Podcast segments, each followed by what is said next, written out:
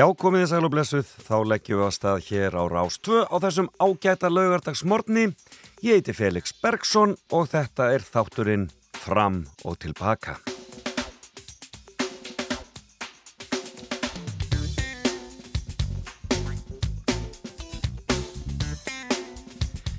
Já, við heldum að snjórin væri farin hér á föðuborgarsvæðinu en ekki aldeilis, hann var komin daldið aftur í morgun. Já, já, svona, það var svona föl aðalega, þetta minnur okkur bara á að að veturinn er hér enn og við eigum að fara varlega hvar sem við erum og um, við fylgjumst vel með veðri og færð hvert sem við förum og um, ætlum að vera. En ég ætla að hafa það hugulegt hér með ykkur í dag í þessum ágæta útastætti.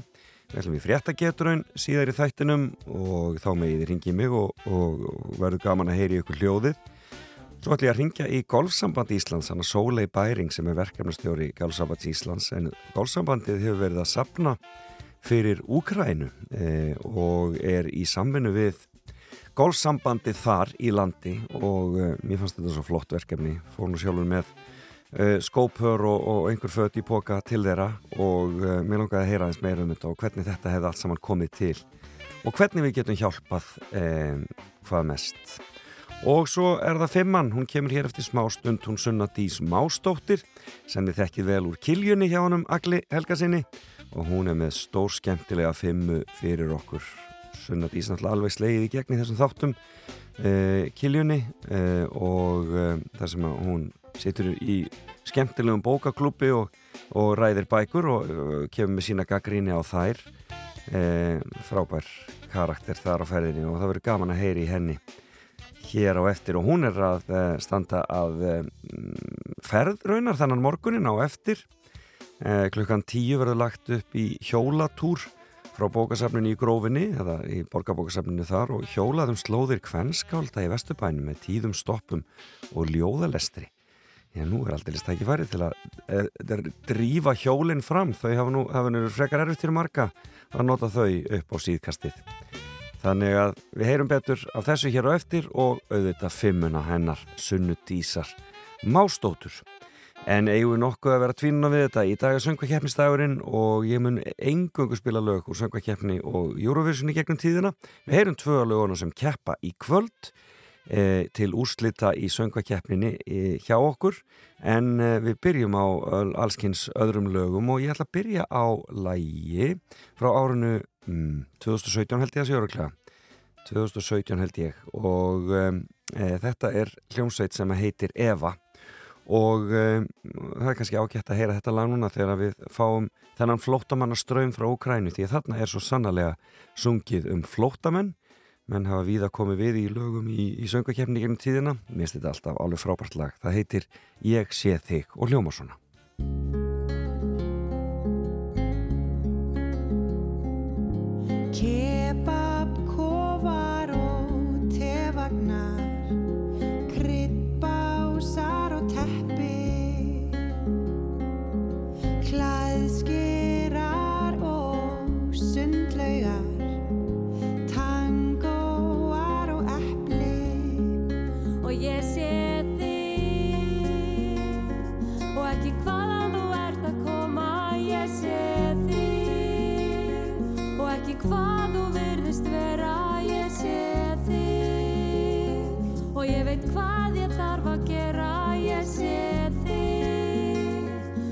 sem gerir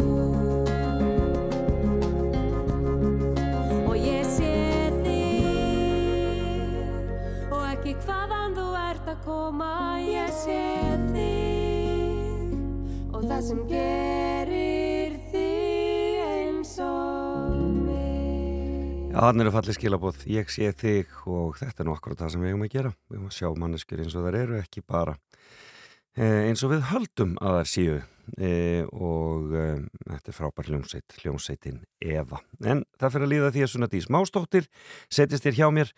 Við skulum byrja á að heyra eitt lag og svo byrjum við Sunnadís að rappa. Og þetta er auðvitað framlag Úkrænu frá árinu 2016 í söngakeppninni. Hér syngur Jamala. Strangers are coming,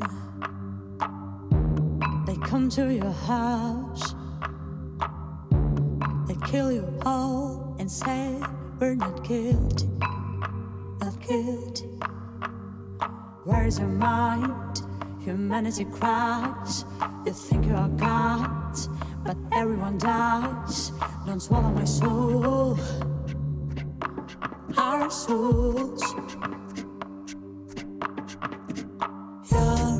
Ahımma toy alma.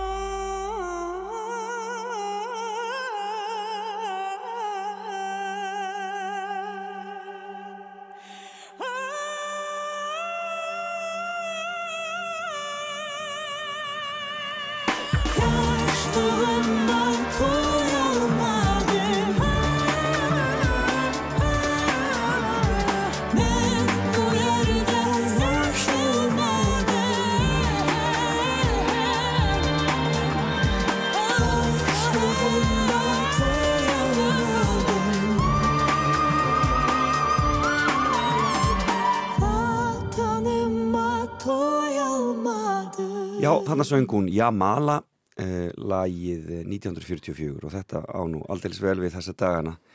Eh, og eh, þetta var þetta framlag Úkrænu sem vann Eurovision árið 2016 þá var kefnin haldin í Stokkólmi en nú er gestur okkar komin til okkar. Eh, gesturinn í fimmun í dag Sunnatís Mástóttir, hjertanlega velkomin. Takk fyrir. Kynur þið sem bókmentafræðing Hún Jórun hérna á Rás 1 kynnti mig einhver tíman sem bókmenta virkja, svona eins og rafvirkja. Mér líka rosalega vel Já, við þá er kynningu. er Já. Þetta er svolítið svona hands-on. bókmentavirki Já, takk. En, þarna, en þú ert líka reytufundur Já, Já, að er, það, það er ég er með pörtana í bara öllu sem við kemur bókmentum eiginlega þessa Nákvæmlega, dagana. Nákvæmlega. og reittstýra og skrifa og allt mögulegt. sko. Akkurat, Já. allt sem að hægt er. Já. En það er, en er, er, er, er, eitthvað, er eitthvað að hafa upp úr þessu? Er hægt að vinna við þetta Púf, það er örglega ekki auðvelt sko, Nei. en ég bara, hérna, er og meðan er, hugsa ég bara, á meðan, á meðan þetta gengur svona hjá mér að, hérna, hafa í mig og, og á með þessu, þá er þetta náttúrulega bara algjör draumur. Já, Ég vinn við að lesa bækur, skilur, er bara áttar og ég hef aldrei trúað þessu. það var svona. En þú er alltaf, þetta er þannig inn í einhvern vinsælasta sjónvastátt þjóðarinnar Já, hjá hann um Agli Helgasinni sem er Kiljan og það er, eh, og, og finnur að það verður einhver breyting, finnur að þú færð eitthvað svona meira ég hvað ég segja, svona hæri, hæri status í bransanum og svona, Það verður nú kannski aðrir að svara því. Já, en- en fær, svona þetta er fólk við þekkir þið betur og svoleiðis, eða hvað? Já, það held ég Mhm. alveg öruglega, alveg öruglega og ég náttúrulega var bara, ég var rétt að klára meistarnámi mitt eða var í, í skóla þegar ég, þegar ég er að byrja hjá Mhm, Agli, þannig að ég er bara svona rétt eiginlega að leggja stað út í hérna, þetta fag. Akkurat. Eh, já, þannig að ég er alveg viss um það, það hefur náttúrulega opnað öruglega fullt að tækja fyrir, mér sko. Þannig að ég er náttúrulega, svo er þetta skemmtilegasti bókaklúpur, uh, svona lesringur landsins. ég. Nákvæmlega, er algjörlega og, og, og, og gaman hvað fólk hefur oft misjafn skoðan, en mér finnst þið aldrei vera grimm mér þið alltaf vera, þú veist um, eða mjög sjaldan grimm oftast, oftar bara er þetta bara mjög skemmtileg og opin umræða Já, um maður, já, maður reynir bara náttúrulega auðvitað að segja sína skoðun Já, og, og já. það, það er starfið. Einmitt, En ég, ég held ég sé svona almennt bara freka lítið grimm í mér. manneskja Já, þannig að ég sé enga ástæðu til þess að vera að skrúfa það eitthvað upp fyrir, fyrir þessar umræður eins og segir og þennan, þennan þátt en maður auðvitað bara þarf að segja það sem hann finnst. Það, er, það fylgir þessu.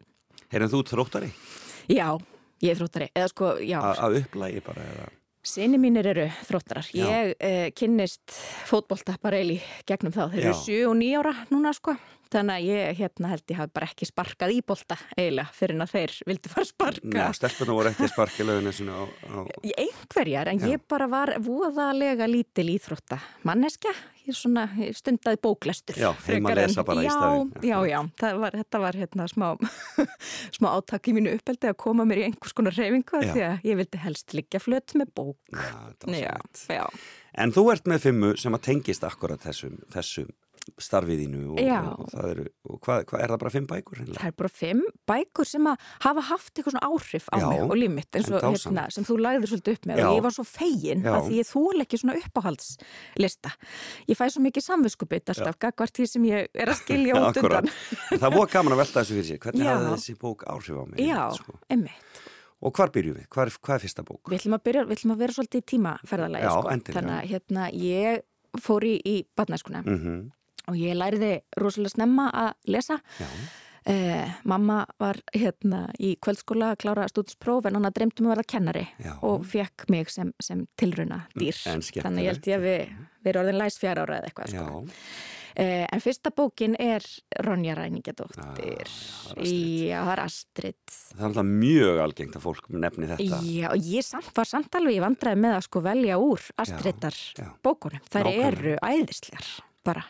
En Ronja, hérna held ég líka sko, hún alltaf Astrid er svo ótrúlega flink að skrifa sterka karaktera og hvern karaktera mhm. sem er rosalega mikilvægt e, fyrir börn af öllum kynjum Nákvæmlega. sem að ég hef líka upplegað sem fóreldri bara skiptir svo miklu máli að lesa sterkar hvernpersonur auðvitað fyrir stelpurinn bara ekki síður stráka Akkurat.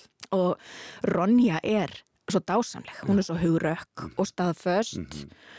og frökk en líka svo blíð þú veist, í þessari ástsinni á náttúrunni og fjölskyldunni og öllu saman. Að hérna, já, ég held að hún hafi bara fyllt mér rosalega mikið áfram, sko. Já. ég var sjálf svolítið svona feimin og svolítið kvíðið bann Já, og hérna, það var svo gott að geta halla sér upp að einhverju svona vinkonu, sko. Einhverju Þó- svona, já, svona karakter. já, Og náttúrulega, þetta er náttúrulega ævintýra heimar sem hún skapar. Já. Þetta er náttúrulega kannski bókin sem kallast hvað mest á við kannski bara miljónshjarta að þýleitinu til. já, hún, það er önnur algjör uppáhald sko. Já, og ég náttúrulega, ég var, ég elskaði þessa æfintýra heima. Ég bara var hérna mjög svona dreymið barn líka, en ég átti mjög auðvelt með að bara hjú, hverfa inn í þessa töfra í, í kastalan og skóginn og, og nangi jálaði þetta. Veistu hvað út gömul þú lest Ronny?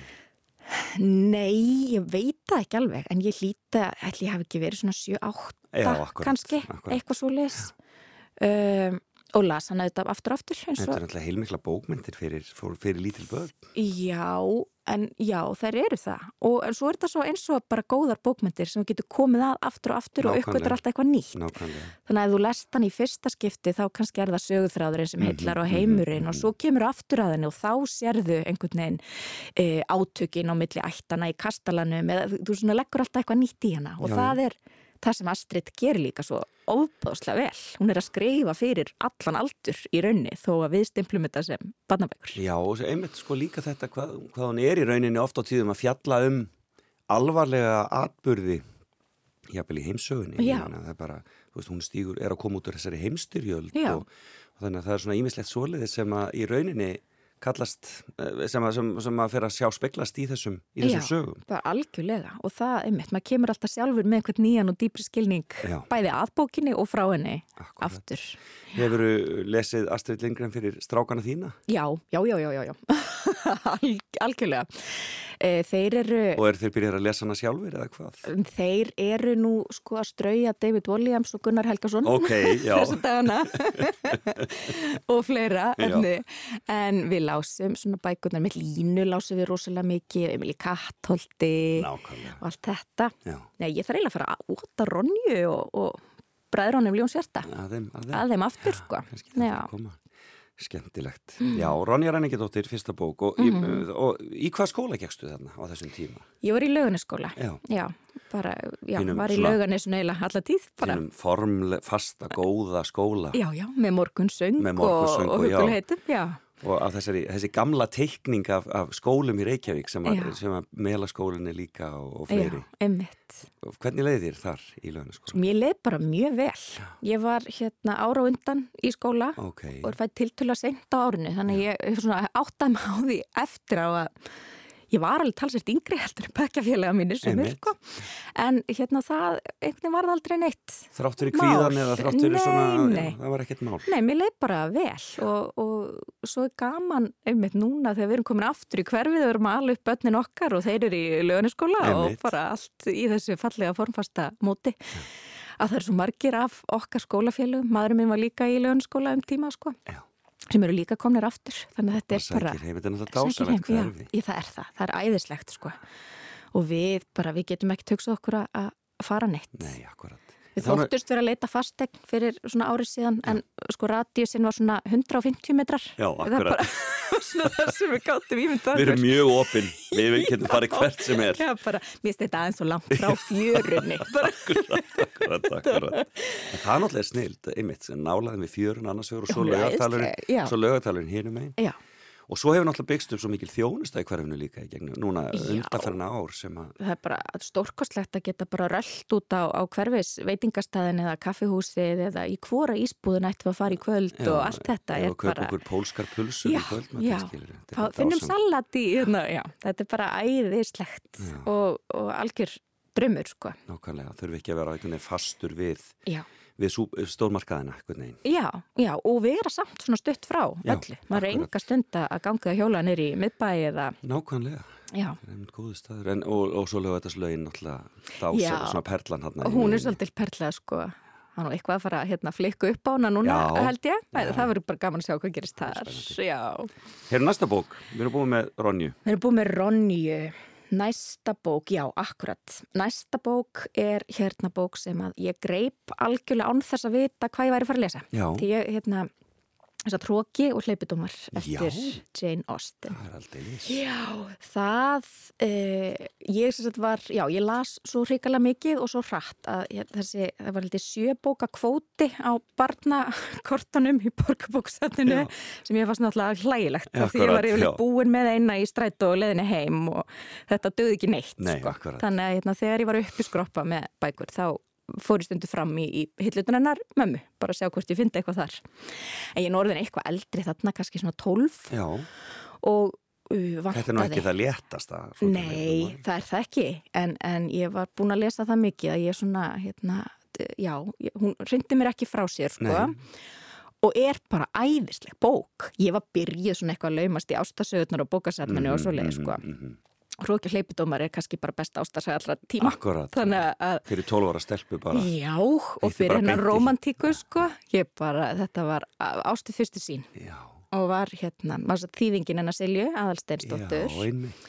uh, sem mér skilst nú einmitt að hafa ekkert uh, gengin eitt svaklega vel þegar hún kom út Á sínu tíma. á sínum tíma Já. en síðan, hérna, og ég les hann og svo held ég að sko ve- veturinn eftir það komið þessir æðislegu BBC þættir Já, já, já. já.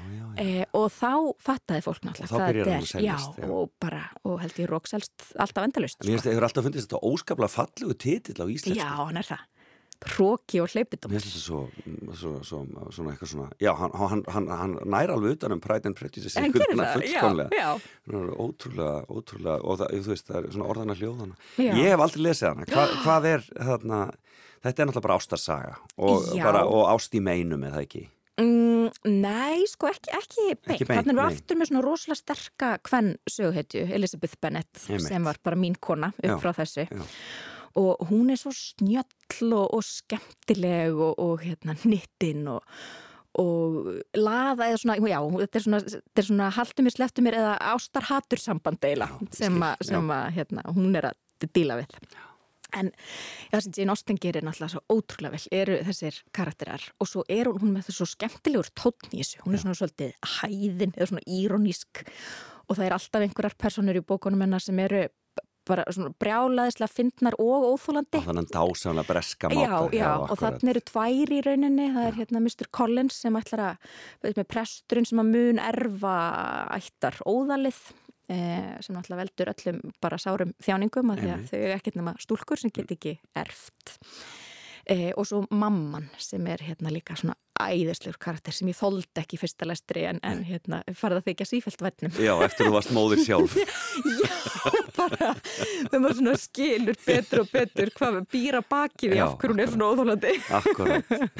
En það er svona bók sem ég held ég hafi bara lesið hann í gegn og svo bara lokaði henni og hugsaði, hm, ok, ég ætla að byrja aftur. Og Já, svo það bara það var svoleiðis, já. Og ég las bara þessa bók öruglega í einhverja mánuði. Já, þú gerir svoleiðis. Þú átt að til að taka bók og lesa hana bara aftur og aftur. Ég núna hérna ekki svo Minna, mikið já. minna, því það er bara svo mikið sem ég, Einmitt. mér þarf og mér langar að lesa. Já. En, en já, sem Það- það já. var bara, já, já, já. Og þá ertu bara í rauninni að heimsækja eh, karakterin eins og gamla Já, félaga í ég rauninni. bara helsi upp á vini mína sko. Já. Já. og bara einmitt og ég var alltaf ég bara gatt sögt mér svo svakalega niður í lesturinn að það var ekki hægt að ná sambandi við mig og ég einmitt með hrók og hleypidóm og ég mjög svona skýra minningu af, af að mamma sem er nú mjög róleg kona sko, stóð yfir mér einhvern veginn og bara algjörlega brjálast bara ég er búin að kalla á þig 15 Já, sinnum og akkurat. ég Ég bara, bara, þú bara heyrðir ekki neitt. ha, þú veist, tek ekki eftir neinu Já, sko. þetta Já. Já. Dásamlegt. En uh, verandi ára á undan skóla, hvernig var komin á unglingsárin? Var það nokkuð, var það ekki bara allt í lagi? Jú, það var allt í lagi. Jú, ég hérna, einmitt, ég svona hugsaði með þetta eftir á bara, hvað, akkur var ég einhvern veginn ekki stressar Já, yfir þessu? En ég, að því byrja bara frá í sex ára bekk strax einhvern veginn og þetta eru bara mínir vinnir og við erum Bara bara samferða. já. Já, já, já, það bara var allt í lagi. Ég var náttúrulega bara svona frekar sein í, í, í kynþróska og, og því Mhm, svona miða við mengið en það bara einhvern veginn var það aldrei neitt eitthvað Var stórmál. vandamál. Nei, Nei, það var það ekki, sko. Og, unglingsárin góðu líka þarna í lauganessinu. Já, þau voru það, algjörlega. Já. Heyrðu, ein bóki við bóta ára við tökum um smá pásu. Hver er svo þriðja? Heyrðu, þriðja bókin, og þarf ég að líta eins á bunkan minn Listan, hérna. já. heyrðu, hún er líkur hillunana mömmu. Já, Já. gaman. Og það er svona, það er einhver bók sem að mamma sko rétti mér. Já. Og heyri kannski, hún er smá svona áhugavaldur í þessu öll akkurat. saman. Hvað heitir mamma þín? Hún heitir Draumei, Naradóttir. Draumey, Já, akkurat. skrifar líka, skifur barnabækur og ljóðabækur. Akkurat, já.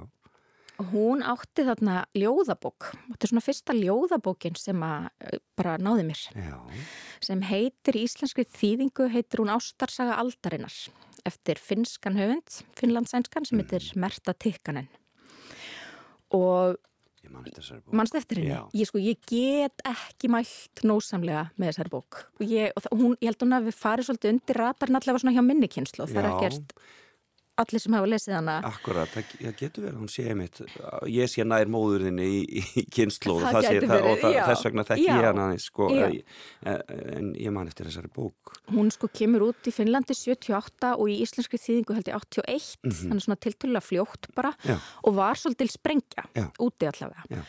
og þetta er satt Merta er að yrkja og skrifa um hjónaband sitt við Henrik Tikkanen sem var svona risastóri töndur Mhm, skald, rosalega svona þungavita maður uh, líka bullandi alkoholisti Já. og bara mjög erfiðar heimilisaðstæður. Og hún er svona, þetta er svona hennar leið til að bara takast á við þetta, skrifa sig frá þessu hún skrifar á nóttunni, það er eini tíminn sem hún hefur að því allt hennar líf snýst um einhvern veginn að hlúað honum Að og passa upp á börnin og að halda öll á floti sko. þannig að þetta er, þetta er alveg svona hérna, rosa feminísk bók e, ofbóðslega flott og íslenska þýðingin bara mjög góð. Hver þýðir hann? Kristín Bjarnadóttir, minni mig. Uh, hún er til á bókasöfnum, ég hef ekki síðan í búðum en ég bara, já, mæli ofbóðslega stert Og, með var, er, og er þetta þá svona ákveðin svona vitundavakning þá í sambandi femarisma og svoleiðis Já, ég held sko, og stöðu konunar? já, og bæði mitt svona út frá ljóðinu af því að ég Mhm. einhvern veginn hafði ekki alveg, skólaljóðin voru ekki alveg að Nei, gera það fyrir mig, sko. skólaljóðum fór ekki mikið inn í feminismu. Þau eru ágætt í, í því sem þau eru en, en þetta var bara svona, wow, mann er sem að heldi á svona virkri handsprengju sko, Nákvæmlega, já, þetta er svolítið hættulegt. þetta er svolítið hættulegt og það er svo mikil slagkraftur í þessu, hún er svo reið einmitt. en á sama tíma einhvern veginn mjög sko, skoðar sjálfa sig alveg til jafns við hann Mhm. Og svona hennar bresti í sambandinu og allt. Og ég, já, þetta er bara, þetta er rosalegur koktel, sko. Og svo nefnilega þetta verður bara svona uppáhaldsbók hjá mér rosalega lengi og ég á hana bara á sænsku en, en hérna væri ópsla til að eiga hana á íslensku. Já, last hana þá á sænsku þannig Las þessi hana, nei, las hana fyrst á íslensku, Íslensku? og svo flyttu við til Svíþjóðar Já, þegar ég byrja í já, mentaskóla Já, já, og þá las ég hann á sænsku. Einmitt. já, og, og var alveg jafn hrifin. Já, akkurat. já. Hérna, af hverju fóruð þið til Svíþjóðar fjölskyldan? Nú, þá hafði hún mamma kynst indælum svíja Já, ok. efst upp á fimmurðuhálsi Já, það er góðu staður. Já, As you do. já. Eh, Ég var með í för mér sem við vorum að ganga fimmurðuhálsmaðgurnar og hún hafði pakkað bara einhver svona nasafóðri fyrir okkur, eitthvað svona ógeslegt sem áttur að hræra heitt vatn úti og að heita kvöldmaður, já, Já, sko, ég gæti ekki borðað þetta svo Já. vant og hann gaf okkur af matnum sínum, já, hann Lars. Já. Þannig að við hérna fluttum til Lundar. Já, ekki, sísta matarást. ekki sístum en það er hann mjög góð kokkur. Já, og hérna, já, og bara ég fór í mentaskóla, svo flutti ég aftur heim eiginlega fyrir slistni fjórum árum síðar. Það var ekkert svona alveg ákveðið en ég, þið leið vel í, í Lundi. Já, mjög vel sko. Algjörlega, var hérna í, í handi katedrálskólan, Já. eh, mentaskólan sem ég held að hann sé frá svona nú mann ég það ekki alveg, 1200 og eitthvað. þetta er eldgamalt, þetta er alveg bara, er svo, einmitt, maður upplýða það akkurat í Lundi og, og þessum borgum að þetta er bara, þetta er Ég- svo gamalt og þetta er svo mikið, mikið, mikil mikið saga. saga ég hlæ bara sem emmeringum sko, Já. sem er eitthvað Lærði skólinn, já, já, you're right. Já, lifði minn og sér Nei, Nei mér leiði rosa vel. Var að mála braut þar og fekk að læra latínu og fórt grísku og svona alls konar skemmtlegt Já, Heyrðu, þá er nú akkurat komin tími til þess að, að skella sér í sænska sósjálrealisman Já. meistarar sænska sósjálrealisman unnu, unnu Eurovision 1974 og við skulum reyfja það Bjarnir Appa og Waterloo og svo höldum við Sunna Dís Mástóttir áfram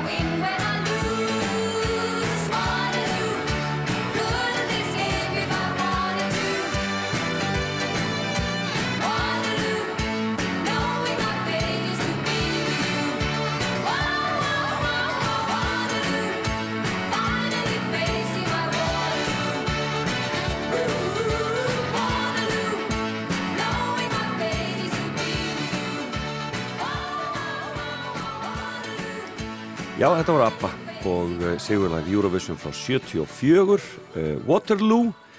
Og uh, ég segi þetta séu meistarar hins sænska sósjálrealisma uh, textarnir er náttúrulega dásanlegir Winner takes it all og allt þetta og Já, við já. ekki sungið um þrá og hérna, she's leaving home alveg bara horta á eftir barninu í skólan og allt þetta þetta er svo sorglegt allt og saman hræðilegt lag, eða sko hræðilegt í skiljíknum bara Já. ég fekk svo illt í hjartað Já, nákvæmlega ég. Þau eru alveg ótrúlega en, þarna, en það er sem Sunna Dís Mástóttir sem situr hér hjá mér og er að fara í gegnum fimmuna sína og við erum búin með þrjár bækur af fimm það er Mhm. Ronja Ræningadóttir, það er Hróki og Hleypidómar og svo uh, ljóðabókin Ástarsaga Aldarinnar. Mhm. og allt er þetta kvennhöfundar Já, Ertu alveg þar bara?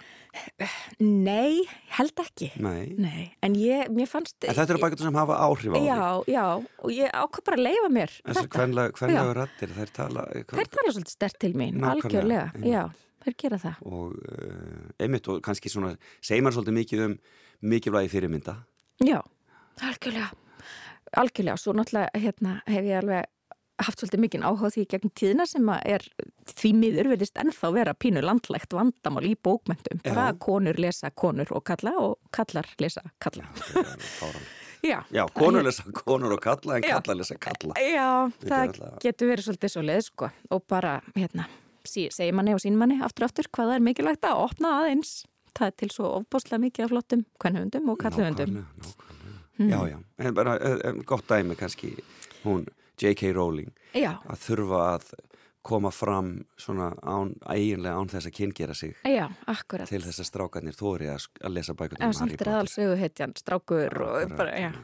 En uh, fjórða bók, Hún er eftir kall.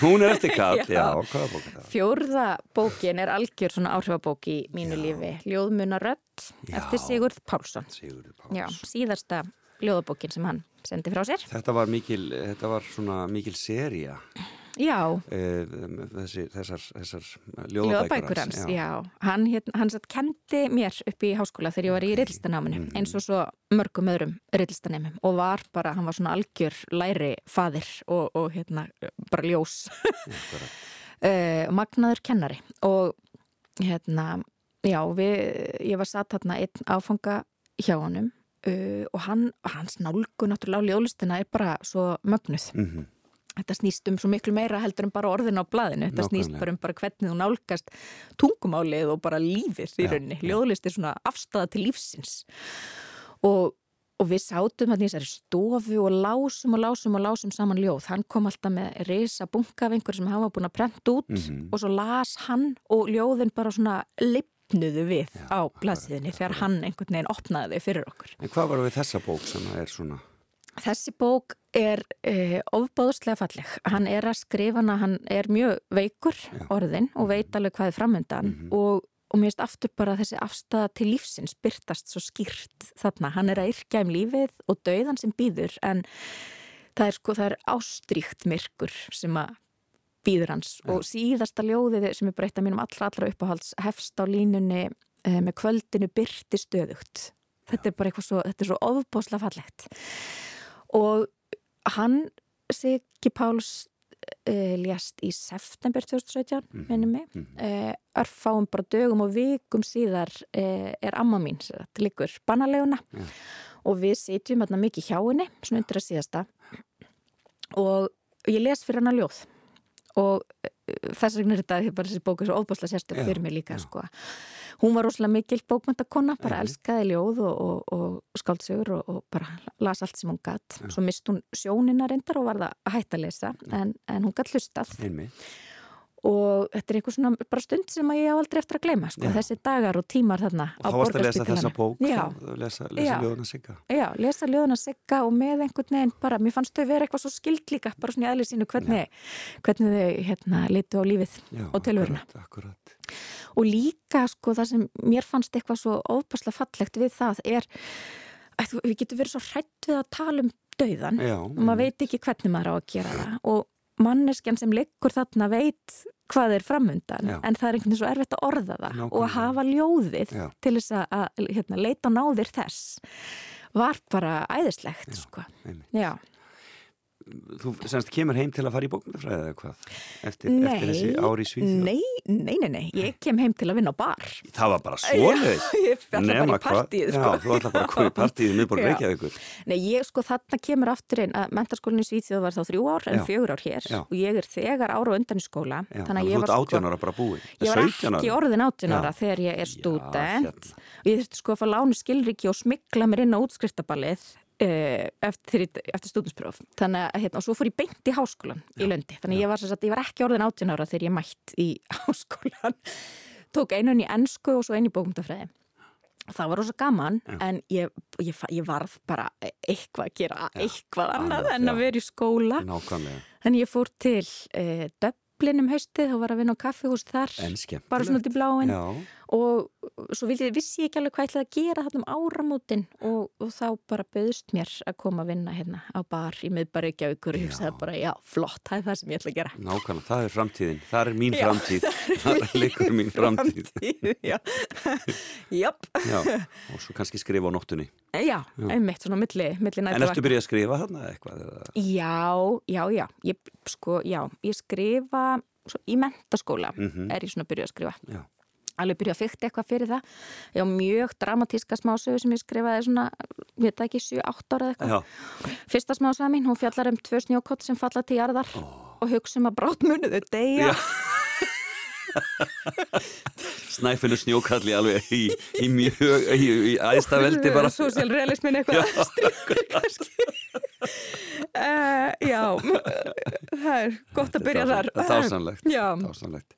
Já, en, en, en, uh, og, en hvernig líkaði lífið á barnum? Hvaða bar var þetta? Prikið ég oh held mér alltaf á sem sögulegu stöðum Já, sko. er bara yfir Þannig að þú hefur verið bara með, hana, með aða liðinu þarna Ég, þetta var bara ógeðslega gaman og sko. skemmtilegu tími Já, mjög skemmtileg tími og ég var þarna ílendist sko. Já. var vann þarna áfram að meðan ég fór í háskólan aftur Já, þú fer síðan í háskólan í, í þá bókmyndafræðina En ég er ekki bókmyndafræðing Þú ert sko. bókmyndafræðingur? Nei, Hvað fer- ferðu að læra? ég læra íslensku Ok, uh, og svo held ég áfram í ennskunni en alltaf með þessari bókmyndafræði sko, Mhm. Áherslu já. innan hennar Já, og já, tók ritlist sem aukagrann og það er ekki þar sem þú kynir sigga í rillistinni þá já, reyndar setna sko í mestarnáminu þegar ég kem aftur. Já, já, en það hérna já, ég, mér fannst það bara stórkoslegt að það væri hægt að læra Nákvæmlega. það hafði bara ekki kvarplað að mér að það væri í bóði Hún er nýkomin hann eða ekki bara? Jú, þá er hún kent sko bíastígi sem er, það er svona aðeins öðruvísi bara þetta eru svo stórir hópar og verður svona öðruvísi kennsla sko. mhm. og svo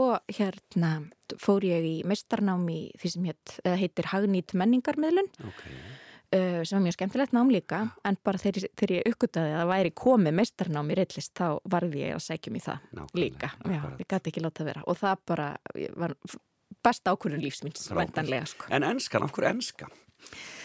e, Er það Pride and Prejudice? Já, ekki bara bara? hreinlega ekki, sko, því ég las hana þegar ég var búin að lesa hana svona 50 sinum á íslensku, Já. þá las ég hana á ennsku Akkurat. og mér fannst það rúslega skemmtileg glíma. En Eh, það, þú ert ekki af þeirri kynslu sem las Harry Potter allan á ensku eins og svo margir gerðu Jú, ég gerði það nú reynda, sko, ég, það var að því að hérna, ég var eiginlega orðin of gömul innan gæsalappa Mhm. fyrir hann, það var alltaf litli bróður sem fekk bækurnar í Einmitt. og ég nefndi ekki að býða eftir að hann væri búinn, sko. Þannig að það- Þannig að þá fór ég að í bara á- ensku, já, já, jú, einmitt. En ég, ég bara er svona tungumála manneskja líka, já. Og þýður þá úr, ensku eða hvað? Já, ensku eða sænsku og svo hef ég þýtt líka úr norsku og dönsku Já. en það er þá svona einfaldara efni fyrir Já. talsetningu til dæmis eitthvað svo. Já, sem er reyndar eiginlega það erfiðasta sem ég hef gert sko í þýðingum að bara, ég held að fólk átti sig ekki á því hvað það getur verið snúið. Það er svakalega snúið. Þú ert að reyna að láta munnhreyfingar tvekja hrafna sem er að rappa á dönsku passa við eitthvað sem íslensku leikar á sig. Það er mjög, Það er mjög flókið. Já, Það fyrir dagur í það, já. mjög skemmtilegt. Heyrðan, hver er síðasta bókin? Síðasta bókin, nú, sko, nú var farið að þrengja þess að mér, Já. nú kom hérna upp á halsvesinið aftur Akkurat. mér Já. fannst þetta mikil ábyrð að velja síðustu bókina. Já. En ég valdi Ör eftir Auði Öfi, Öfi, Já, já. Uh, það var erfitt að- velja hana, en ég settlaðist á hana því að hún uh, á líka svona pínu sérstakann sess bara í, Já. lífinu. Mhm.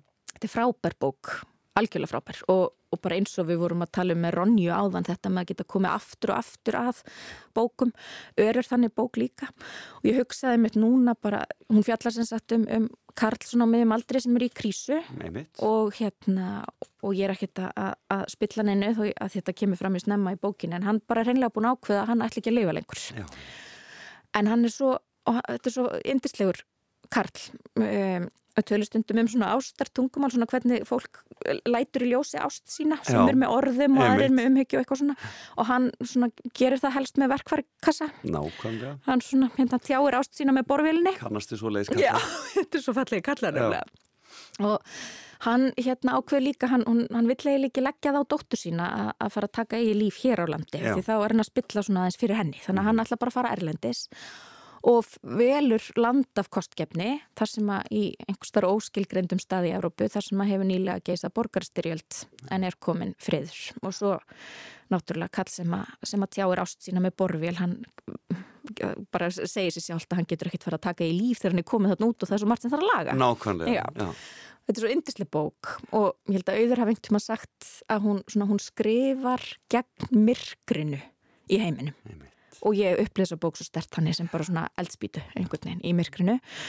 Og svo hugsaði líka, vá, hvernig ætla ég að koma aftur að henni núna, bara með að við núverandi er ástand gerast, í heiminum. Já. en hún hefur semst haft djúpa áhrif á því þegar þú last hana. Já, hún gerði það. Og ég hérna, já, var búin að lesa allt sem, sem auður hafi skrifað og, og var óbúslega hrifin en ég fann að þessi alveg bara svona Já. eignaðist einhvern stað í hjartan strax. Akkurat. Og svo svona auka kannski saga með hana að ég var á þessum tíma í velunanemnd fyrir, fyrir bókmyndavelun Norðurlandarás Já. fyrir Íslands hönd, Mhm. þar sem að við þá tilnefnum íslensku bækunar, fylgjum þeim svo eftir og, og kjósum sigurvegara og auður afa var tilnefnd já, og vann. Já, og ég hérna ég hef bara held ég sjaldan verið af glöð sko, til þess að það var komið á daginn. Dásamlegt. Mér fannst það yndislegt lendamál að fá að, hérna, að að hafa í nokkra vikur já, þangað til að, akkurat, til að aðrir fengi að vita akkurat, þetta einmitt já, En það, eh, já, en þess, en þú er náttúrulega ert bara þa- þarna komið með fjölskyldu og svoleiðis allt saman. já. Þarna, hvar hittur um mannin þinn? Var það í lauganiskverfinu? Eh, það voru langkóldsvegi Já, þar byrði allar góður ástastur já, akkurat. Nei, við hérna umvitt, við, sko, við vinur okkar kynnt okkur, besti vinur hans og besta vinkona mín höfðu þarna verið par í tvö ár án Ok. þess að við hefðum nokkuð tíman hist, ég veit ekki alveg hvernig þeim tókst það. En já, þarna hittust við á, á spilakvöldi og, og já, og svo bara var ekki eftir snúið eiginlega, Og ungar manneskjur þá? Hvað? já, hvað við pff, nú þarf ég að fara að reikna, Já. hvað er ég, svona 25, 24, 5, já, eitthvað slis já, æðislegt. Og þau bara eru bara sest þarna og ætlið að vera bara áfram í lauganiskverfinu. Þið farið ekki neitt. Nei, ég sé ekki fram á það í Nei, byli, ekki sko, í þetta er alveg sjálfsblekkingin er þannig að ég sé, nei, ég held ekki verðið þið. Og hvaða verkefni eru framöndan hjá þér? Sunna Dís Ó, Maðursdóttir. það Hvað, er- hvað getur þú sagt okkur eitthvað spennandi? Ég veit þú ert að skrifa bók. Ég er að skrifa bók, já, ég kemur út ljóðabók reyndar fyrst í, í haust Já, dásanlegt. Já, það er aðeinslegt þannig að nú bara býði mjög spennt, nú er ég hinum með við borð, nú Já. býði ég spennt yfir að, eftir að fá yfirlestur frá, frá reyndstjóra eh, og svo er ég að skrifa skáldsögum Þú skrifa svo er ég skáldsögu. með- Hve- hvað- hvað- Hvenær sér þið fyrir þér að svo skáltsaga oh. komi fyrir sjónir okkar? Ég er að vona að það geti orðið á næsta ári. Mhm. Svo hérna, hái mér aðeins í þessu hvað ég er sko, ég held að þetta sé hrifnæmin bara að þegar einhver leita til mín og með verkefni, þá er ég alveg, ó, en spennandi, það- já, já, alltaf til. alltaf til. Þannig að það eru mörg, að- aðeins of mörg verkefni Það á er borðum. svolítið mörg verkefni á borðinu núna, já, en bara, mér finnst það líka gaman sko, mér finnst gaman að hafa nóg að gera og En nær það hreinsa borðið og, og, og bara hérna, einbeita þeirra þessu að, skálsögunni? Nei, Nei, vonandi það stendur til bóta Það stendur til bóta, á þessu ári, já, akkurat. annars hefur þetta ekki gengið mjög vel nema þegar ég get algjörlega tekið bara svona eirnamertan tíma í Já. þetta. sækjur um listamannalaun? Já, fekk í fyrra og Já. þá mitt gæti sögt mér honni Akkurat, skrifin. það er stóra sem er stóra Já, máli. En fekk ekki í ár, Nei. þannig að hérna, nú þarf að reyna að búa sér til einhver, einhver horn hér og Já, þar. akkurat. Svona er þetta. Svona er þetta. En það var dásanlegt að fá því í heimsókn og takk fyrir þessa skemmtilegu fimmu. Við mælum með öllu þessum bókum, Ronja Mhm. mm. Renningadóttur, Hróki og Hleypidómar, Ástasögu Aldarinnar, Ljóðmuna Rödd uh, og uh, Ör eftir Mhm. auði Öfu Ólafsdóttur. Mm Sem að Dís Mástóttir kæra þakki fyrir komuna og við skulum bara enda þetta í drauma heiminum. Já, takk fyrir mig. Líf í draum, dreg hvergi mörkin dags og nætur Sveiplast aðeins og sjálfrátt Í hægum gangi á fullt í fangi með að finna það sem oftast reynist öfum átt. Það er líkt og ég sé laus úr öllum viðjum. Lentur ringsólandi á vegi miðjum Ég lifi í draumi, dreif hvergi mörgin dags og nætu. Sveiplast aðeins og sjálfrá Ég lifi í tómi, tek engan þátt í trilltum dansi. Fólksins allt í kringum mig. Alinn á randi, veit að minn vandi er að vera það. Sem enginn getur átt að sig. Og það er líkt og ég sé lagstur út í byrði Leitandi að bát á réttum kili. Ég lif í tómi, tek engan þátt í trilltum dansi Sinns allt í kringum mig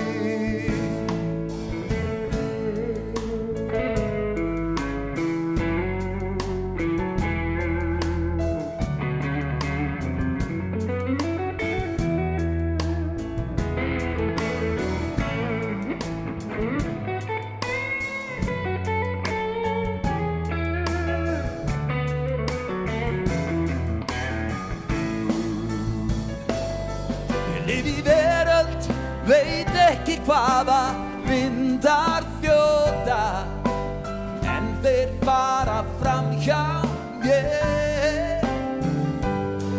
Skona fangi á víða vangi eða barnar laus Ég því sem er á meðan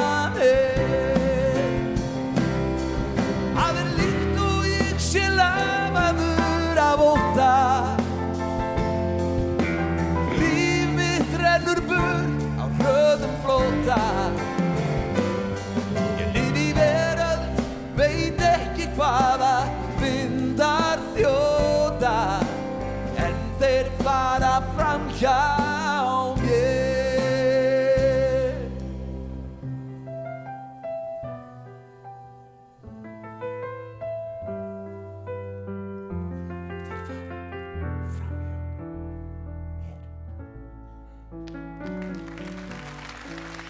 Það var gaman að rifja þetta upp. Þetta var uh, útgáfa af Ég lifi í draumi úr þættinum Gestir út um allt sem að við Margret Blöndal stjórnum hér á sín tíma ásamt uh, uh, góðu fólki uh, og var sendur út frá Akureyri. Og þarna sönguði þetta Egjólu Kristjánsson og hann kláraði þarna viðtalið sem ég átti við hana Sunnudís Másdóttur og heyrðum fimmuna hennar. Og um, hún var aldrei skemmtileg. Það voru fimm bækur, Ronja Ræningjadóttir eftir Astrid Lindgren, eh, Hróki og Hleypidómar eftir Jane Austen, Ástarsaga Aldarinnar eh, ást, sem er eh, mesta tikkanan, eh, Ljóðmuna Rött eftir Sigur Pálsson og Auður af Ólastóttir Ör. Og hún skrifaði mér, uh, hún, núna, hún sunna þegar hún var farin frá mér, og uh, sagði mér að það væri núna hægt að hlusta á hana mörtu tikkanen um, ástasögu aldarinnar á Storytel, þar sem hún les, les þessi ljóð á uh, fallegri Finnlands sænsku og hún mælir eindreið með því með það fyrir þá sem hafa áhuga á slíku. Og þarna og það er sem Marta tikkanen. Og það sem meira er, hún sunnatís, hún er að standa fyrir flottum viðbyrði í núna og eftir, þá að hjóla um Vesturbæin og eh, á e, slóðir kvenskálda og stoppa og lesa ljóð e, og e, það verður lagt að staðklæðan tíu frá borgarbókasafninu í grófinni. Endilega tjekkja á því. Góðan daginn Ísland. Fram og tilbaka á Rástvö. Það fyrir að líða því við fáum nýju fréttir. Tökum eitt gott hér með Jóa Helga og svo heyrumst við aftur eftir nýju. Þetta var í söngakefni.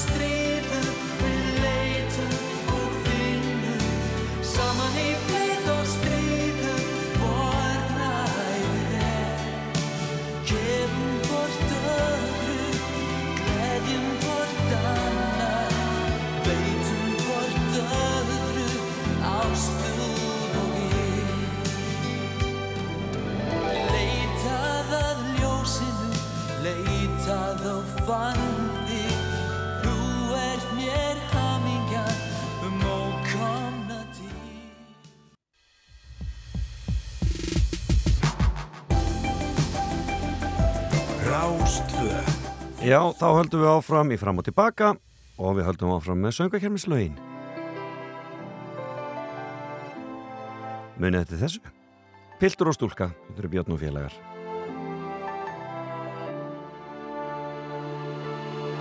Kona og maður sitja við sama borð. Piltur og stúlka, þetta eru bara orð. Í hverju manni býr kona og í hverju konu karl. Og tvísvar sinnum verður hver gammal maður barn. Ég seg fyrir fólk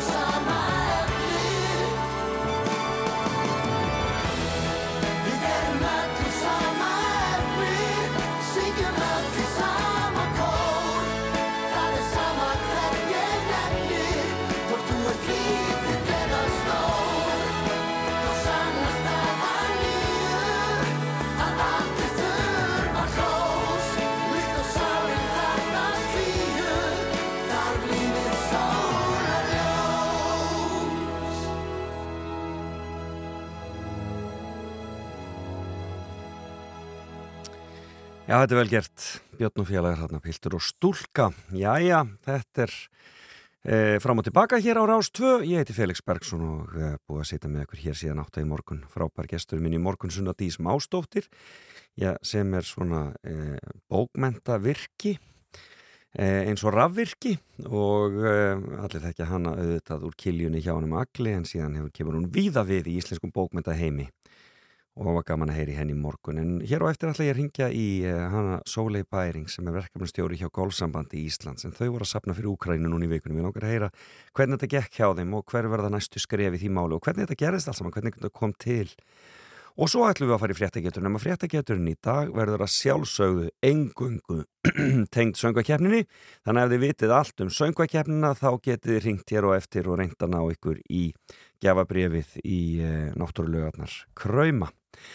Þannig að uh, þá, uh, það verður hér upp úr hálf tíu. Já, við reynum að halda í ró okkar og halda áfram með líf okkar hér. Fyrir þið og þá auðvitað uh, er höldum við söngvakeppninni áfram eins og ótröð þráttir þessar hörmungar sem eru í gangi í álfunu okkar. En við vonum að það muni leysast ekkert veginn og sem fyrst. Hvernig sem það gerist um, en um, eigum ekki að fá annað lag úr, já þetta er lag úr Eurovision og þetta er að mörgum talið vinsalesta Eurovision lag allra tíma, vissuðu að þetta var uppröðunlega Eurovision lag? Volare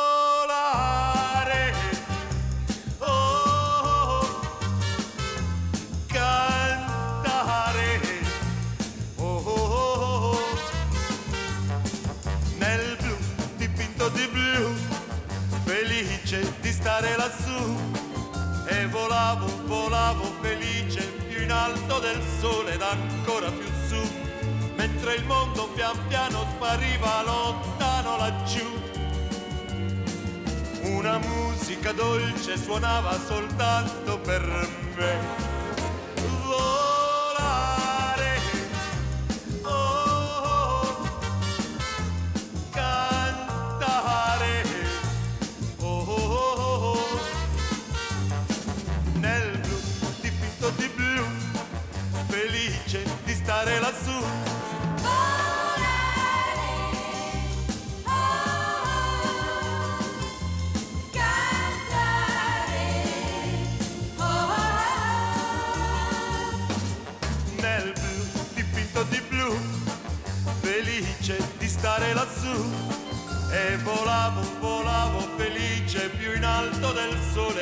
Ancora più su, mentre il mondo pian piano spariva lontano laggiù. Una musica dolce suonava soltanto per me.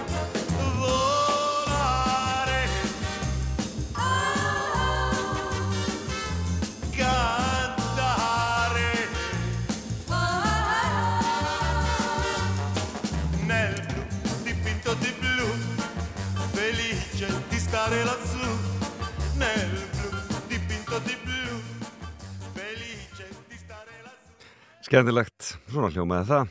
Volare Felix Bergsson fer fram og tilbaka á Rástvö. Meiri Eurovision. Og svo fyrir að ringja í gólfsambandið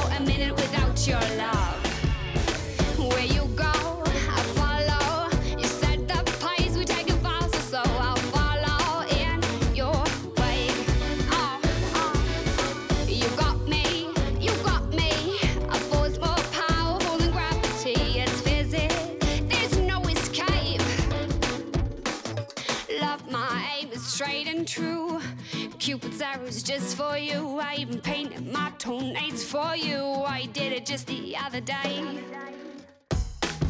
Love, oh love,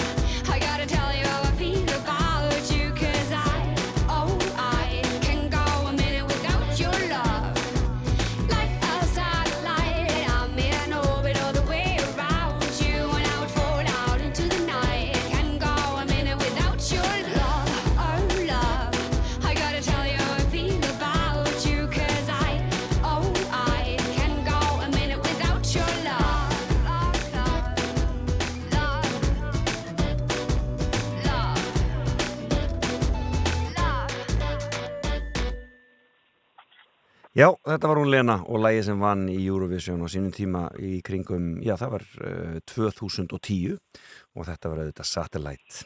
En þá er Sólei Bærings, verkefnastjóri í Golfsambandi Íslands komin í síman. Komdu sæl og blessuð Sólei Sæl og blessaður.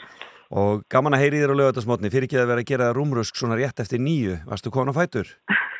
Já, já, ég var komin á fætur. Löngu konast það. Kanski komin út á golföll, þannig ekki alveg veðrið til þess ennþá. Nei, reyndar ekki, sko. Nei, ekki. Þetta búið Já. alltaf erfiði tímar fyrir golfara undanfarnar vikur. Já, já. Ha, hvert, hvert, hvert farðu á æfið? Þegar svona er. Herr, um, það er bara, þú veist, ég er það golfherma og þetta og já, Það er bara svo þeir leiðis. hafa verið vinsælir. Já, bara svona innan dæmis. Gott mál. Heyrðan, þið stóðu fyrir þessari miklu söpnun í vikunni sem að vakti heilmikla aðtegli og um, gekk að ég held, það miskusti, síndist mér þegar ég kom til ykkar afskaplega vel. Hva, hver, hver er uh, forsagan að þessari söpnun sem að gólsambandi stóð fyrir? Herðu, það var golfsamband Úkrænu sem hafði samband við okkur og óska eftir aðstof Já, já, já. og við þess að töfum það samband við félag Úkrænumann á Íslandi og ákvaðum að fara bara í þetta verkefni. Frábært.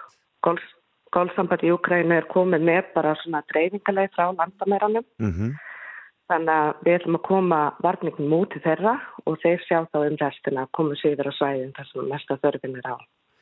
Þetta er, er, sko, er, er svona náið samband milli þessara golfsambanda þegar að, menn svona um, styðja hverjir aðra og, og koma til hjálpar þegar eitthvað svona kemur upp á? Er það ekki bara þegar að þú veist þessar aðstæður er í heiminum og þá koma allir til hjálpar? Nákvæmlega, nákvæmlega. Já. Og það var semst, og þetta er, þetta er svona áhugavert að það sé í gegnum golfið. Veistu af einhverjum öðrum svona félögum sem að, svona sem að eru á alþjóðlegum grunni sem að þarna vinna svona saman? Hefur heyrt af einhverju öðru? Sko nú bara þekki ég það ekki nóg vel. Nei, akkurat. Ég er alveg samfærið. Já. Kannski, að fólk veit af, það væri gaman að heyra af því því að ég veit að fólk vill hjálpa og ég notaði til þess tækifærið og kom til ekkar þarna nýri í Holtagarða og þarna með, með, með skó og, og flýspeysur og eitthvað svona sem að þau voru að tala um að, að væri að það sem vantaði. Veistu hvernig þetta gekk söfnunum svona í það heila? Herri, hún bara gekk gríðarlega vel. Þetta var bara framar vonum Já, og við erum bara þurftum í rauninni bara að fá fullt að sjálfbúðalega inn til okkar til þess að klára pökkunum á þessu og við menn þá bara fullu, í fullu fyrir með það já, og að reyna að koma þessu í vélina. já. Þannig að, já, Hver, hvernig þetta að fara út síðan? herri, ég held að það sé núna á mánudaginu. Þurftum svona aðeins að fá rýmri tíma til þess að, einmitt, að ná, ná utanum þetta alls saman. Þetta var bara svo mikið magn sem að koma inn til okkar. Nákvæmlega, og en eh, pakkið þessu þá þannig að það eru sko- þessi, eh, flokkið einhvern veginn eftir stærðum og annað slíkt eða bara fer þetta bara í sem eitt massi þarna út? Við erum að flokka þetta, við erum að flokka þetta niður í kallmanns og kvennmanns og batna Já, og við erum að flokka þetta eftir þú veist hvort þetta sé hlýðföt eða um, svona sumarföt. einmitt. Já, Og eh, það var heilmikið, skór voru líka eh, taldir mikilvægir, var það ekki? jú, skór voru þaldið mikilvægir og við fengum alveg heilmikið á skóm. Já. Þannig að það var frábært og hérna, þannig að þeir muni nýtast vel úti. Þessi sem þeir eru í sambandi hjá gólsambandi Úkrænu, eru þeir ennþá í Kiev? Vitið þið hvar þeir eru? Það fólk? Já, mér skilst að sko framkvæmtastjóri Gólsambandsúgreinu sé að klukkutíma fyrir utan Kiev. Já. Já, Og, og er þar ennþá sem sagt? já, Já. er það ennþá. Þetta er alveg ótrúlegt ástand.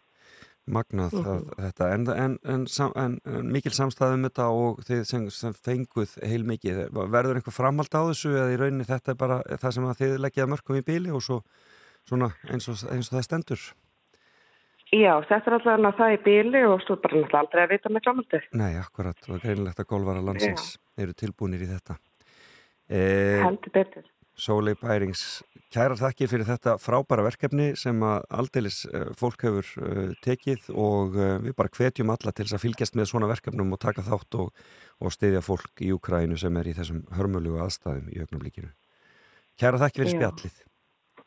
Takk sem er leiðis. Já, bless, bless. Bless. Já, þetta var Sóli Bærings verkefnustjóri í Kólsamtis Íslands og þetta er alveg ótrúlega flott flott verkefni hjá þeim sem þau voru þarna með uh, og uh, sendu og er að senda á mánudaginn gríðarlegan uh, gríðarlegt magn af fötum og skóm uh, allar leið til Úkrænu All the faces you see on your way have a story tell. Tiny traces of life's joy and sorrow. Why can't we treat each other well? We all have a choice we can make. There's always a choice we can make to help and to heal different ways.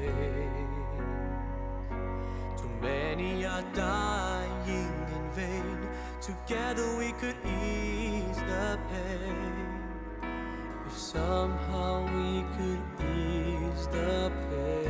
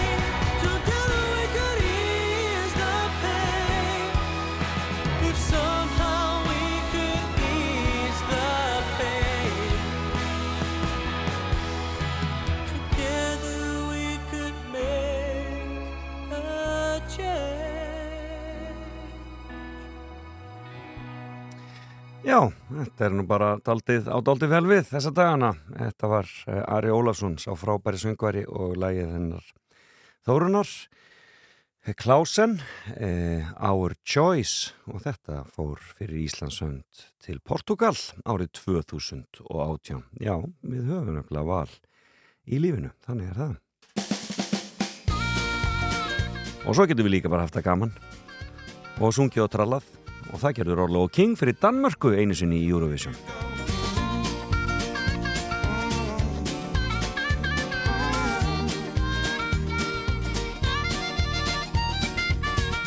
Each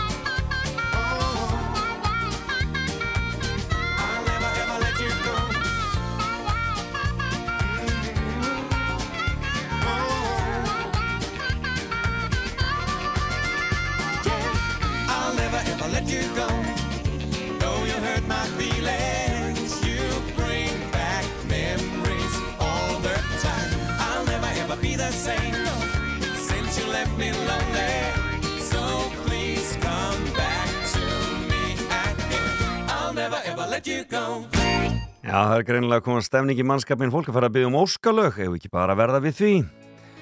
Muni eftir þessu. Það, Þetta er ítalskar en allt sem ítalst er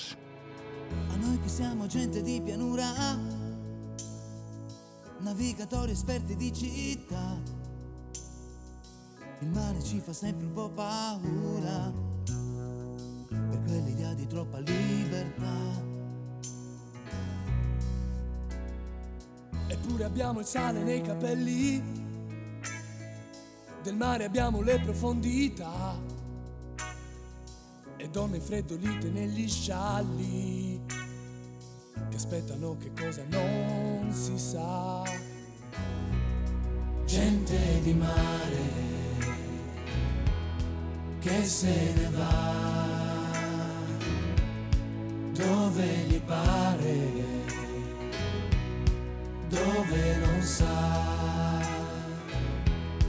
Gente che muore di nostalgia. Ma quando torna dopo un giorno muore per la voglia di andare via. Gente di mare. E quando ci fermiamo sulla riva, gente che va. Lo sguardo all'orizzonte se ne va. Gente di mare. portandoci pensieri alla deriva. Quell'idea di troppa libertà.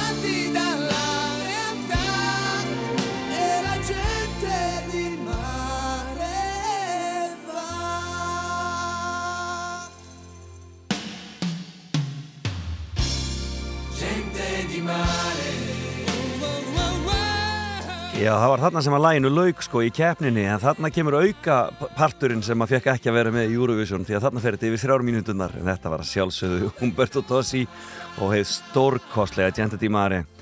Spila fyrir Pál Sævar Guðjónsson sem liggur heima í COVID og við bara býðum kærlega að hilsa og ykkur öllum sem eru heima veik þessa dagana, það er ansi margir.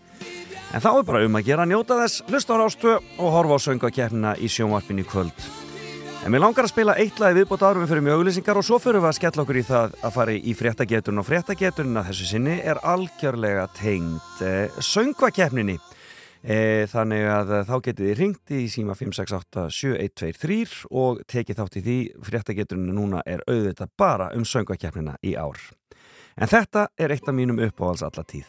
Hér inni er svo notalegt en úti dimmir fljót Ég ætti að fara heim áður en kvöld verður að nót Ekki horfa svona á mig veist Ég stendst þeir auðu þín.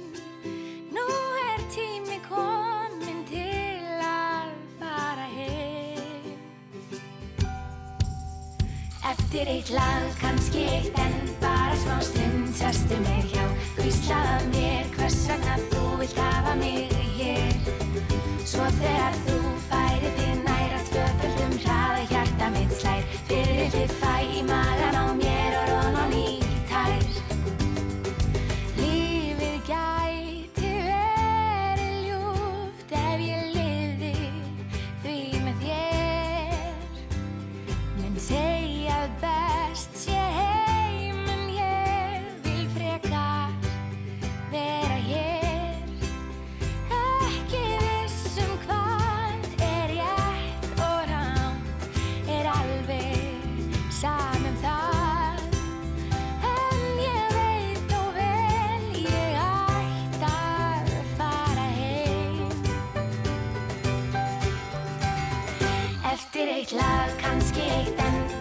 stund Sestu mér hjá, hvíslaða mér hvers vegna þú vilt hafa mig hér? Svo þegar þú færi þig nær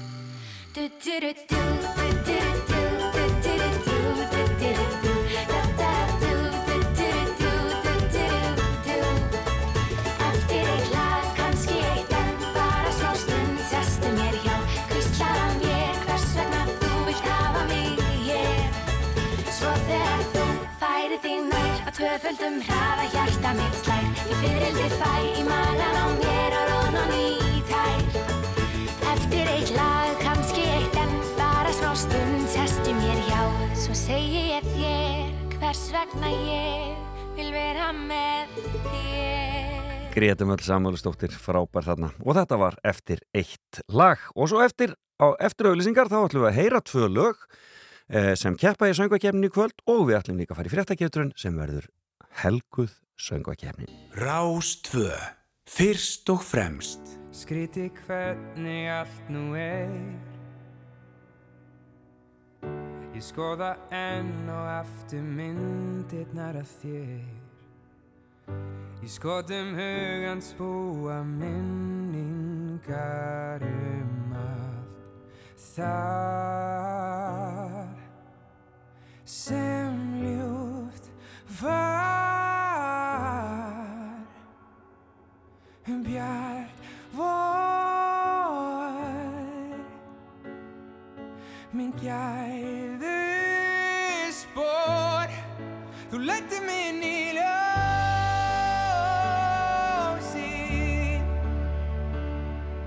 hvað lífið dafnar alltaf best. Þú þráðir alltaf til ljósi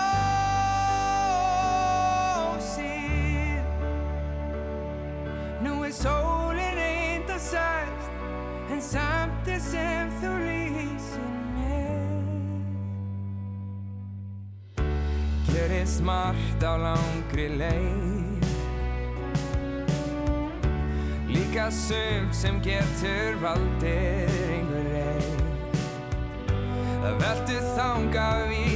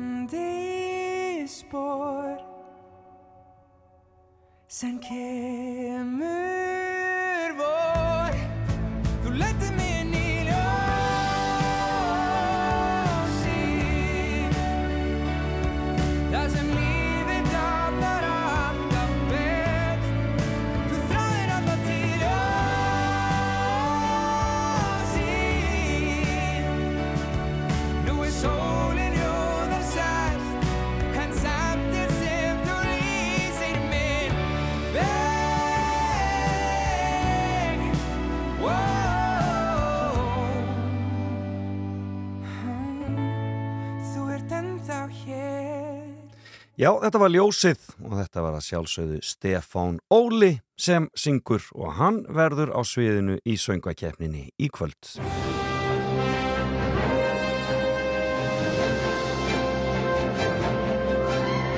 En þá er það fréttageturinn og nú getið þið byrjað að ringja 5687123 5687123 og fréttageturinn dagsins er engöngu helguð söngvakeppninni í kvöld.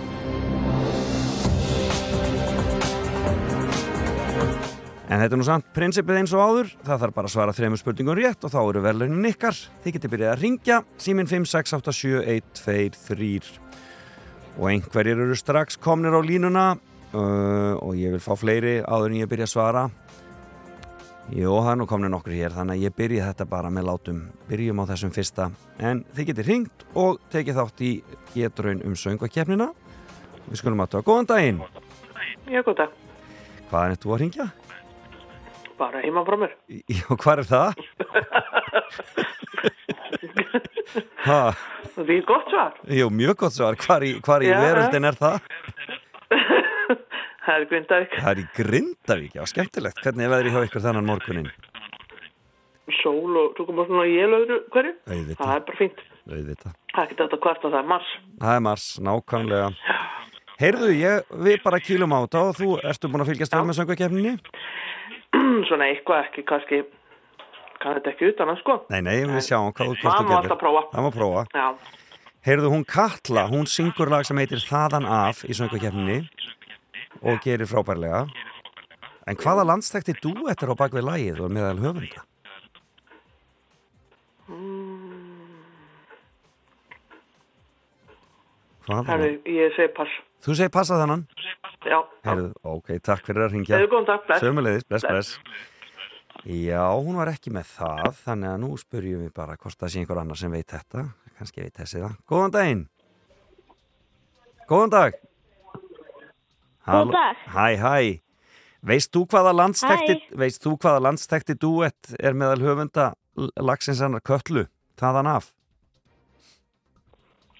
Er það ekki Jói og Króli? Auðvitað, vel gert. Glæsilegt. Þú með eitt rétt, hvaðan er þetta að ringja? Hæ? Hvaðan er þetta að ringja? Ég er bara að syngja, ég er bara að syngja frá uh, hlýðinum. Já, ok. Reykjahlíð. Í- Já, Reykjalíð, frábært. Hvernig er veðrið hjá þér í dag? Bara geggja gott. Æðislegt, það er gott að heyra. Heyra þá spyr ég þið næstu spurningar.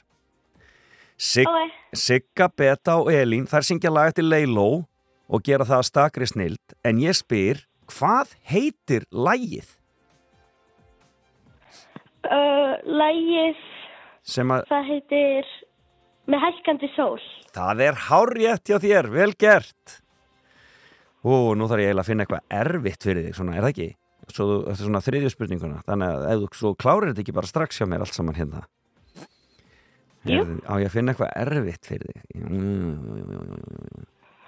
Heyrðu hún Marketa Irglófa hún tók þátt í söngvakeppnin í ár þó hún kæmist nú ekki í úslit en þá hefur hún unnið stór verðlun út í heimi áður og gerði það áður en hún setti stað á Íslandi en veistu hvaða verðlun þetta voru sem hún vann út í heimi? Óskarsverlunin. Heyrðu, þú ert bara, ég kem, ég bara kem aldrei að tómum kofin hjá þér. Þú ert komin með þetta, þrjár réttar hjá þér. Vel gert, hvað heitirðu? Bjarni. Bjarnei, hvers dóttir? Bjarni. Bjarni, fyrirgjöðu Bjarni, Bjarni. fyrirgjöðu Bjarni. Og hvers son ertu? Bergþórsson. Bergþórsson. Og hvaðan ertu að hringja? Svo ég geti sendt þér vinningin ég er heim. hringja frá um, um Reykjahlíð 1205.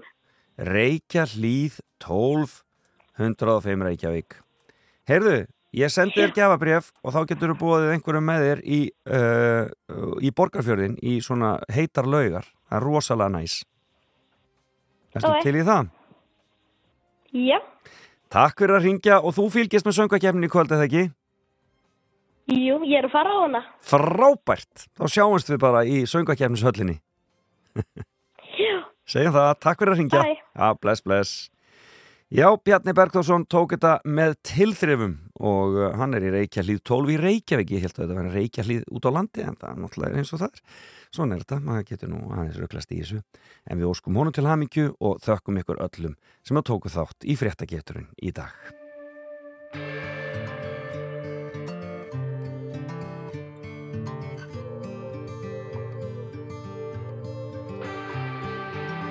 Öldur í hljóður sá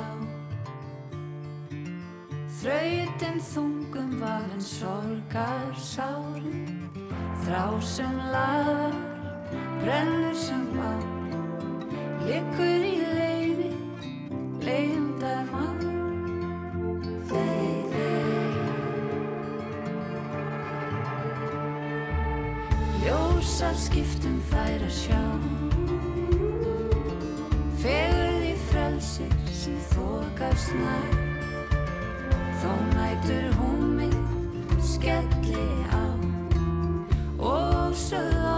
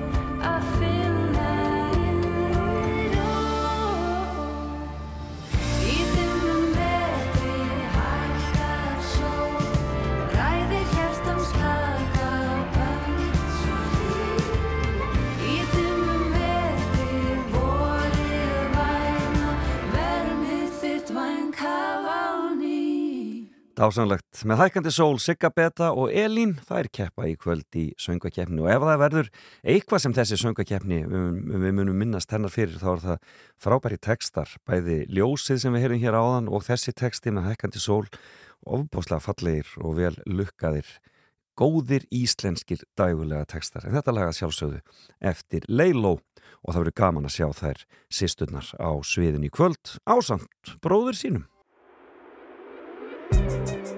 Þú ert að hlusta á Fram og Tilbaka á Rástföð.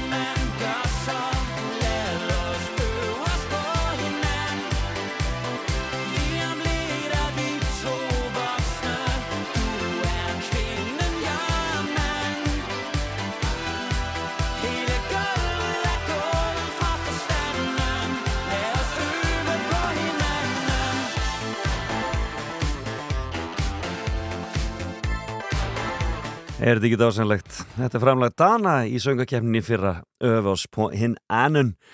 En uh, þeir sem hafa á íþróttum þá er mikið í gangi í dag í íþróttalífinu og meðal annars uh, úslit leikir í Coca-Cola byggarkefni Karla og Kvenna í handbolta. Fyrir leikurinn Kvennaleikurinn milli fram og vals hefst klukkan 13.30 og sá síðari milli Káa og vals hefst klukkan 16 og þetta verður að sjálfsögðu sínt hjá okkur hér á Rúf. Mikill dagur beitna útsendinga hjá okkur á Rúf í dag. Fylgist með því.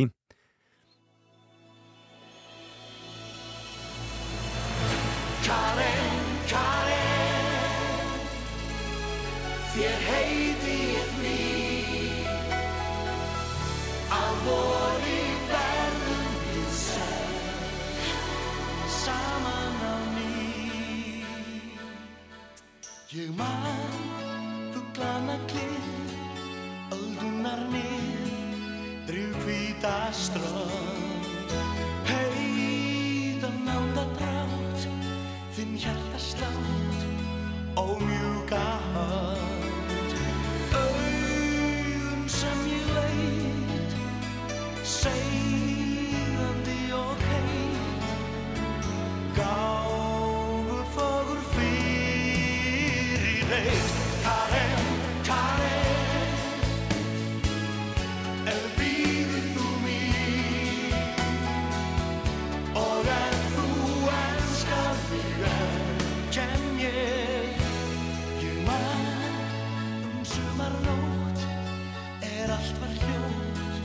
old.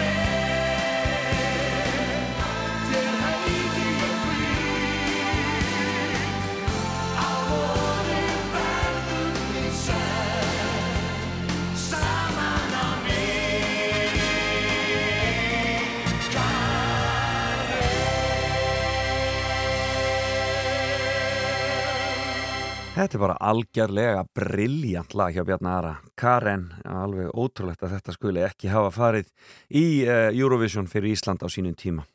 Þetta er búið hjá mér í dag, búið að dásanlega að sitja með ykkur þannig morgunin með mínum góðu gestum. Við heyrðum í henni Sunnudís Másdóttur hér í morgun sem var með stórskemmtilega fimmu fyrir okkur og þetta verður auðvitað allt saman komið inn á netið hér eftir smástund ef þið mistuðu af henni, endilega reynað að ná að hlusta á það viðtal, kannski ef þið viljið fara í göngutúr eða eitthvað og hlusta á eitthvað skemmtilegt á leiðinni og svo minni ég á, núna klukkan tíu hefur hún eh, hjólaferð frá borgarbókasafninu. Þið getur hjólað á þessum næstu fimm minútum eins hratt og þið getið. Niður að borgarbókasafni hún er að fara eh, hjólreiðatúr um Vesturbæin að heimilum skáldkvenna og þar verða lesin ljóð, það verður dásamlegt bóttið. Við ringdu síðan í hana Sólei Bærings hjá golfsambandinu sem sapnuðu fyrir Úkrænu og var það aldeilis vel, frábært verkefni og svo flott er að svona, svona alþjóðleg sambönd er að eh, vinna saman að svona góðum verkefnum og eh, þau gerðu það aldeilis vel og eh, stór eh, stór rúa, fötum og skóm og öðru slíku á leiðinni til Úkrænu strax eftir helgina. Og svo var það einn frábæri Bjarni Bergþórsson sem kom og vann hjá okkur fréttageturuna sem bara var tengt söngakefninni. Hann hafði svar við öllu sem ég hendi á hann og ekkert vandamál og hann fær verðlaunin sem er, e, er gjafabyrja í kræma í borgarfyrðinum. Gísli Marteinn og Björg er að fara að taka við hér e, og það verður frábært hjá þeim en ég þakka fyrir mig Felix Bergsson verði aftur með ykkur eftir viku. Bless, bless. Essere o dover essere, il dubbio amletico, contemporaneo come l'uomo del neolitico, l'intelligenza è demode, risposte facili, dilemmi inutili. Ah ah ah, cercasi, storie dal gran finale, sperasi, comunque vada Pantarei,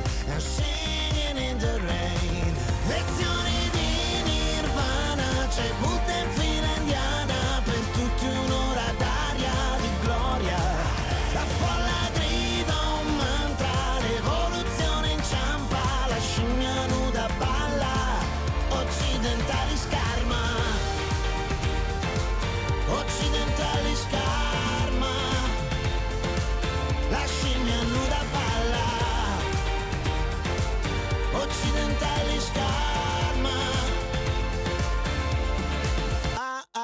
cercasi, cercasi. un